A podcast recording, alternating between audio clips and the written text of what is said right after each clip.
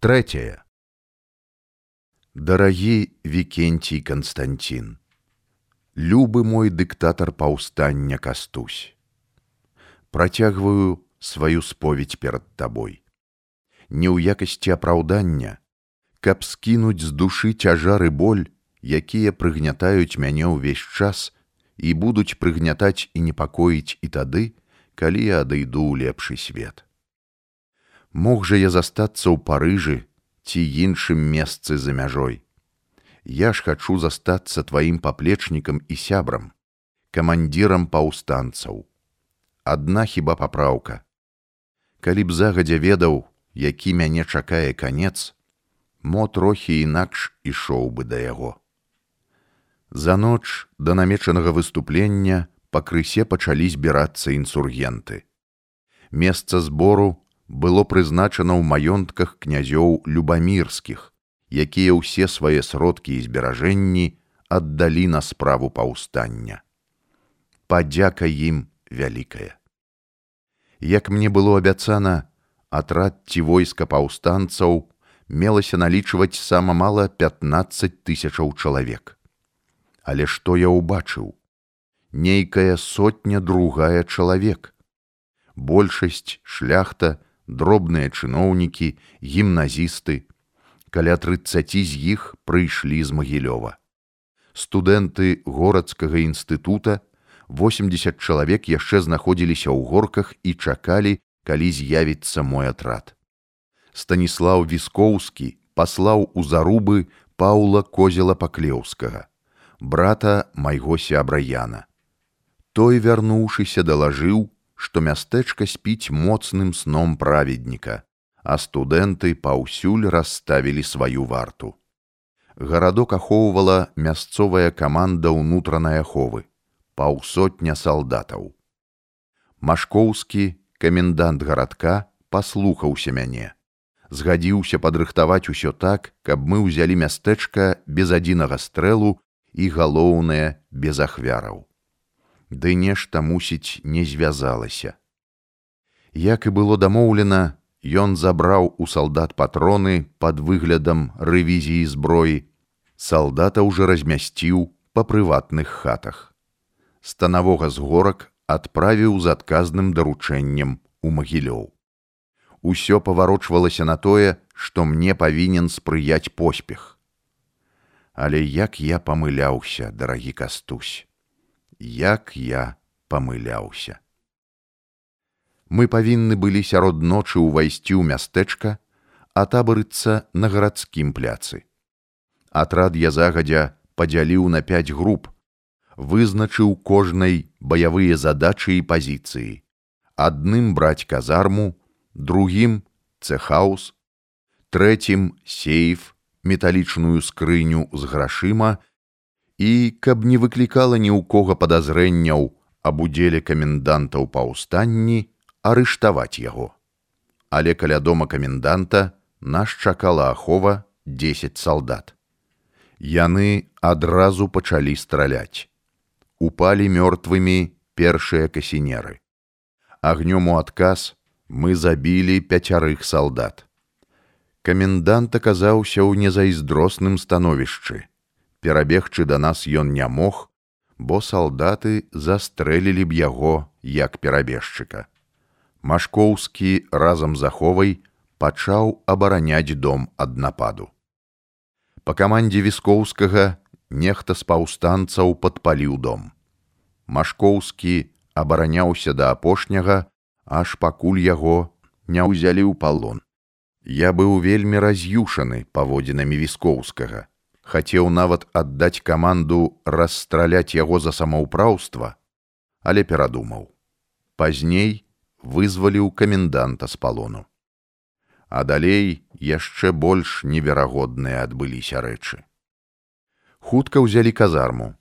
Праўда, вартавога, які аказаў супраціўленне, абясшкодзілі, узялі на мушку. Казарму падпалілі. Ад дыму задыхнуліся хлебапёкі, якіх закрылі ў сутарэнні. Тое ўсё наклала прыгнятаючы адбітак на маладых паўстанцаў. Ім жа абяцалі бяскроўны штурм. Толькі цехаус і гарнізонная каса былі ўзятыя без прыгодаў і стрэлаў. Паўстанцы хутка разабралі зброю, а вось металічную скрыню з грашыма адкрыць не ўдалося. Яна была замкнёная на надзейны англіцкі замок. Чырвоны певень пачаў гуляць па мястэчку ад дома да дома. Усё злілося ў адно: стрэлы, гул званоў, крыкі людзей. Замест таго, каб здабыць у жыхароў мястэчка падтрымку, мы атрымалі нечаканую і жорсткую нянавісць. Месцічы зачыніліся ў хатах, а некаторыя і зусім пакінулі іх. Пачуўшы трывожны звон і ўбачыўшы зарыва над гарадком, з горадскіх прадмесцяў слабады і зарэчча рушылі ў горад сяляне. Пачалі шукаць спажыву ў пустых дамах. Ад рабавання яны перакінуліся нечакана на паўстанскі патруль у імгненне вока разагналі яго. Сяляне схапілі студэнта Раймунда Чарвінскага, але той пачаў тлумачыць, што паўстанцы адно хочуць вызваліць юнакоў ад рэкрутчыны. Калі яны не вераць, няхай сходзяць у мястэчка і паслухаюць прамовы круля, у якога грошай вазамі грузі, і што ён абяцае зрабіць горкі багатым і прыгожым горадам у свеце сяляне звязалі яго і адвялі ў турму. П'яны мужик, ледзьве стоячы на нагах, размахнуўся даўбнёй і апусціў яе на галаву шляхціца казіміра пшыбалтоўскага. Забіў на смерць. А студэнтаў Фелікса скурына і Георгія гіжыца збілі на горкі яблык. Раніцай я сабраў касінераў на мясцовым майдане. Прыехаў да іх на кані. Апрануў для такога выпадку афіцэрскі мундзір. Людзі, перажыўшы начныя страхі, прыйшлі на пляд зусім нядзеля таго, каб падтрымаць нас. Сталага веку чалавек, сівы як лунь, калі я саскочыў з каня, падышоў да мяне, дакрануўся да мундзіра. Дык значыць, топор, гэта ты? Выходзіць, што так. Казалі во людзі, што топор высокі і шаракаплечы, чорны як смоль, а ты звычайны. Што хочаш ты нам сказаць? Чаму вы нарабілі столькі шкоды мясцовым жыхарам? Топор то топор, але і сякерай трэба ўмець махаць. На каго замахнуўся? На сваіх жа і замахнуўся я зноў ускочыў на коня. Мне так было зручней звяртацца да людзей. Не памятаю, што казаў ім, што абяцаў, тлумачыў. Яны, здавалася мне, былі безуважныя да маіх слоў. Больш таго, не жадалі мяне слухаць. З другога боку коня стаяў праваслаўны святар. Святы айцец, а вы чаго тут? звярнуўся я да яго. І вы ў радах паўстанцаў. Як бачыце, я без зброі, моя зброя слова Божае. Таму місія ў мяне самая мірная. Якая, у які бок? Я нясу ў народ толькі слова Божае. Але і Божае слово можна выказаць по-рознаму вы ў храмах чытаеце царскія заклікі супраць паўстанцаў, а ксяндзы амаль усе падтрымліваюць наша рушанне. То клопат ксяндзоў, уніятаў, у нас жа іншае прызначэнне. Тлумачыць неадукаванаму і цёмнаму селяніну, што наша паўстанне гэта просты мяцеж, бунт толькі польскіх паноў супраць цара, на тое загад зямных уладаў і воля Божая. Святар схіліў галаву. І я ці не зразумеў тады дакладна, чаму ў нас усё ідзе так насуперак нашай волі праз пень калоду. Перад тым, як пакінуць горкі, завітаў у інстытут, зайшоў да дырэктара Траутфетара. Ён не выказаў ні радасці ад сустрэчы, ні нянавісці да мяне. Як толькі вы ў свой час пераступілі парог майго кабінета, я зразумеў, што вы тапор. Сякера па-мясцоваму. Я на вашым баку, але чаму вы так бязглузда, непрыгожа і жорстка абышліся з мірнымі месцічамі?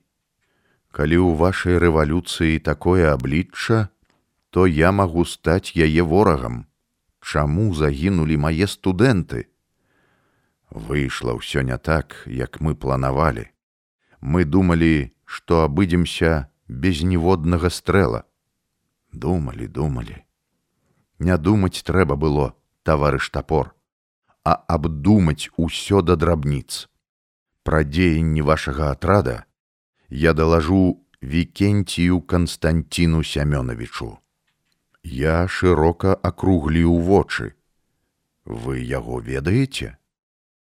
Як і ведаю Назімова, Мураўёва, Беклямішава. Мне ж з усімі трэба жыць і ўжывацца, але ж і ведаць, з кім мне па дарозе. Я ўжо зусім нічога не разумеў.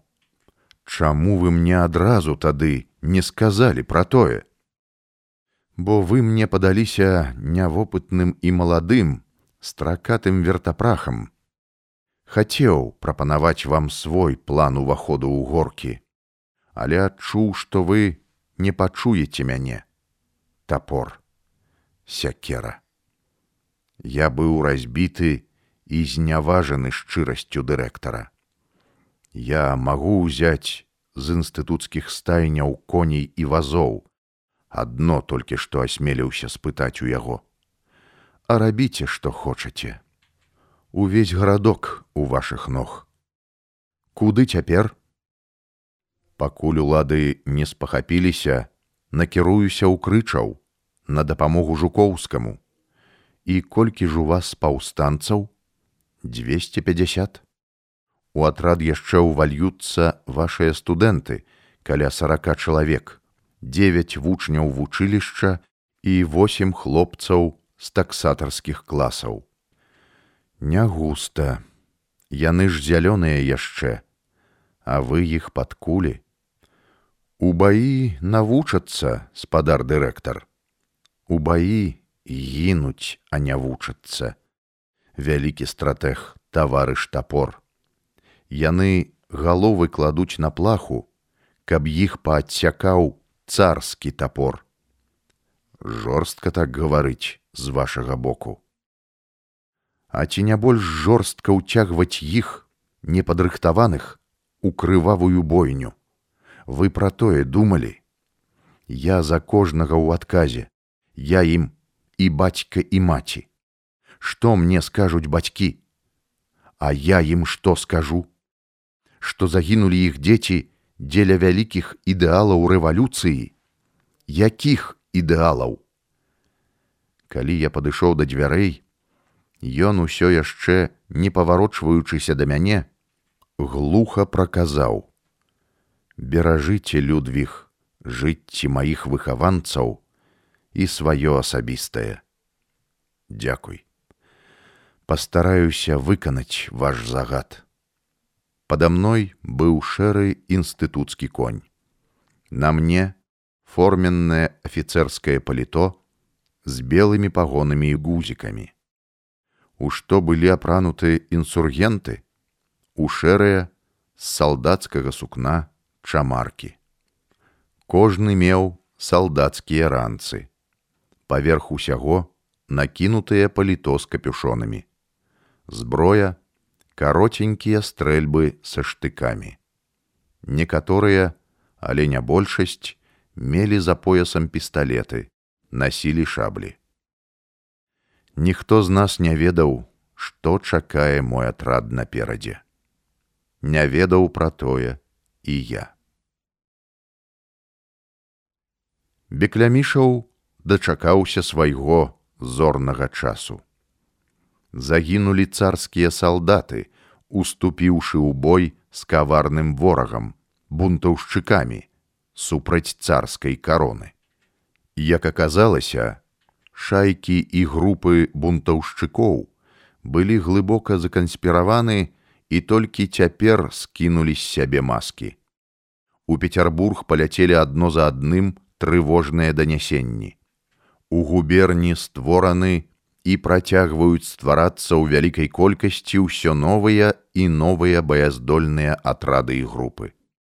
Яны, як высветлілася, даўно назапашвалі зброю, даўно рыхтаваліся да бунту, шайкі налічваюць ужо сёння ад 600 да тысячы і болей чалавек у кожнай.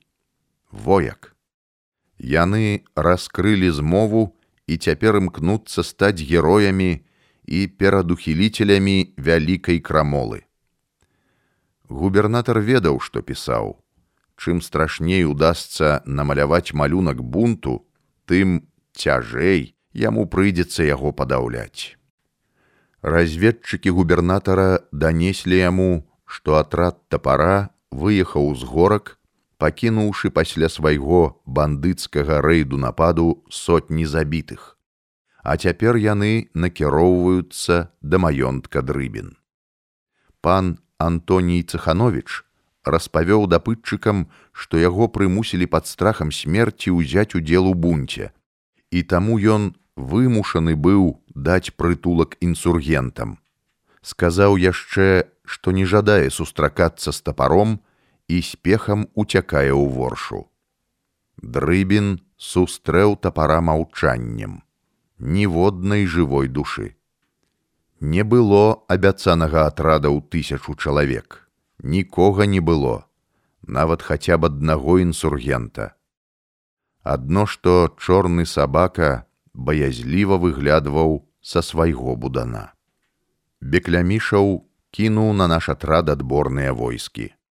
Ён быў упэўнены, што з гэтай шайкай будзе скончана разы назаўсёды рыхтаваў ужо пецярбургу пераможную рэляцыю. Але я не ўступіў з імі ў бой. Застрэліўшы некалькі салдатаў, непрыкметна знік з месца сутычкі. Праз нейкі час мы апынуліся ў маёнтку чудоўскага, у чырвоным. Я аддаў загад адпачываць. Расставіўшы вартавых, сам рашыў зрабіць тое ж сярод ночы прачнуўся ад таго, што мяне нехта моцна трос за плечы. Нада мной, часта дыхаючы, нахіліўся жукоўскі. Твар акрываўлены, мокрыя валасы звісалі чорнымі вужакамі. Сон як рукой зняло. Што здарылася? Разумееш топор. У той час, як ты браў горкі, царскія салдаты рынуліся на мой атрады адразу яго разагналі некалькі інсургентаў загінулі я атрымаў некалькі кулявых раненняў ды ў дадатак да ўсяго мяне напаткалі на дарозе раз'ятраныя сяляне прайшліся дубінкай па спіне я зашыўся ў хмызняк і дапяў вось да цябе што рабіць будзем Людвіг. Што яшчэ скажаш, нахмурыўся я. Ці праўда? Ды куды ўжо праўдзівей. Праз дзень пасля разгрому нашага атрада быў разбіты і аршанскі атрад будзіловіча, які знаходзіўся ў лесе каля вёскі пагосцішча. Іх прыпялі да ракі, забілі шэсць касінераў. Астатнія разам з будзіловічам здаліся ў палон выратавалася толькі каля двадцаці чалавек, хто ўмеў плаваць, яны пераплылі раку. А рагачоўскі атрад грыневіча, дзяржаноўскага. Жукоўскі нервова пакусваў губы, стараўся пяцярнёй закінуць мокрыя валасы назад, але яны зноў спадалі на вочы. І грыневіча напаткаў такі ж лёс дзяржаноўскага схапілі сяляне тыя якія як меркавалася павінны былі папоўніць нашыя рады аказалі супраціў атрады жабраноўскага анцыпы ды аленскага ды і іх раструшчылі салдаты з дапамогай тых жа сялянаў. Нашае паўстанне на магілёўшчыне Людвіг задушаны яшчэ ў зародышы. Падымай усіх, падаў я каманду. Рушым. Раніцай, калі непрыкметна падышлі да дняпра, аказалася, што паромы і лодкі на процілеглым беразе, а на дарогах выстаўлена варта з вяскоўцаў, якія адкрылі ўжо сапраўднае паляванне на інсургентаў. Я горка падумаў, дзе ж яшчэ цёмнаму і неадукаванаму селяніну перападзе такі заробак, аж 5 рублёў даваў шчодры мураўёў з царскай казны за кожнага злоўленага інсургента са зброяй, а без зброі тры. Гэта ж цэлае багацце, карову можна купіць, ды яшчэ і каня ў прыдачу.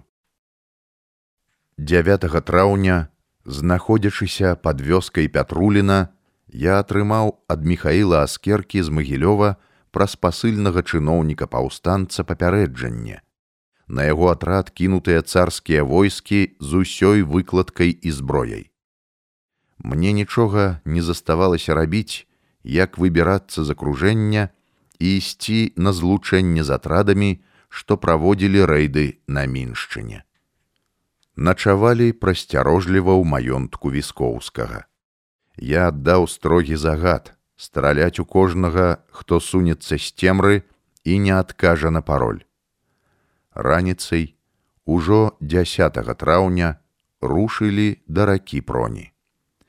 Пераканаўшыся, што паблізу ў вёскі ліцягі нікога не было, на пароме пераправіліся на другі бераг.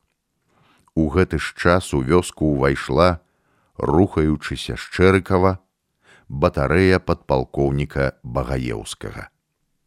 Убачыўшы, што інсургенты ўжо на процілеглым беразе, а паром гарыць, хрыпла загадаў: « А ну-ка, ребятки, пальніце-ка па ним і сразу из двух пушек. Тое падзейнічала. Стрэл гармат разагнаў інсургентаў. Але праз колькі хвілінаў адзін за адным пачалі збірацца зноў, падыходзіць да камандзіра, гуртавацца чакалі каманды. У той жа самы час да мяне прабіраўся са сваімі трыма сынамі Фёдор Чудоўскі. Яны былі ў рэзерве. Даведаўшыся, што нашаму атраду пагражае палон, кінуліся на дапамогу.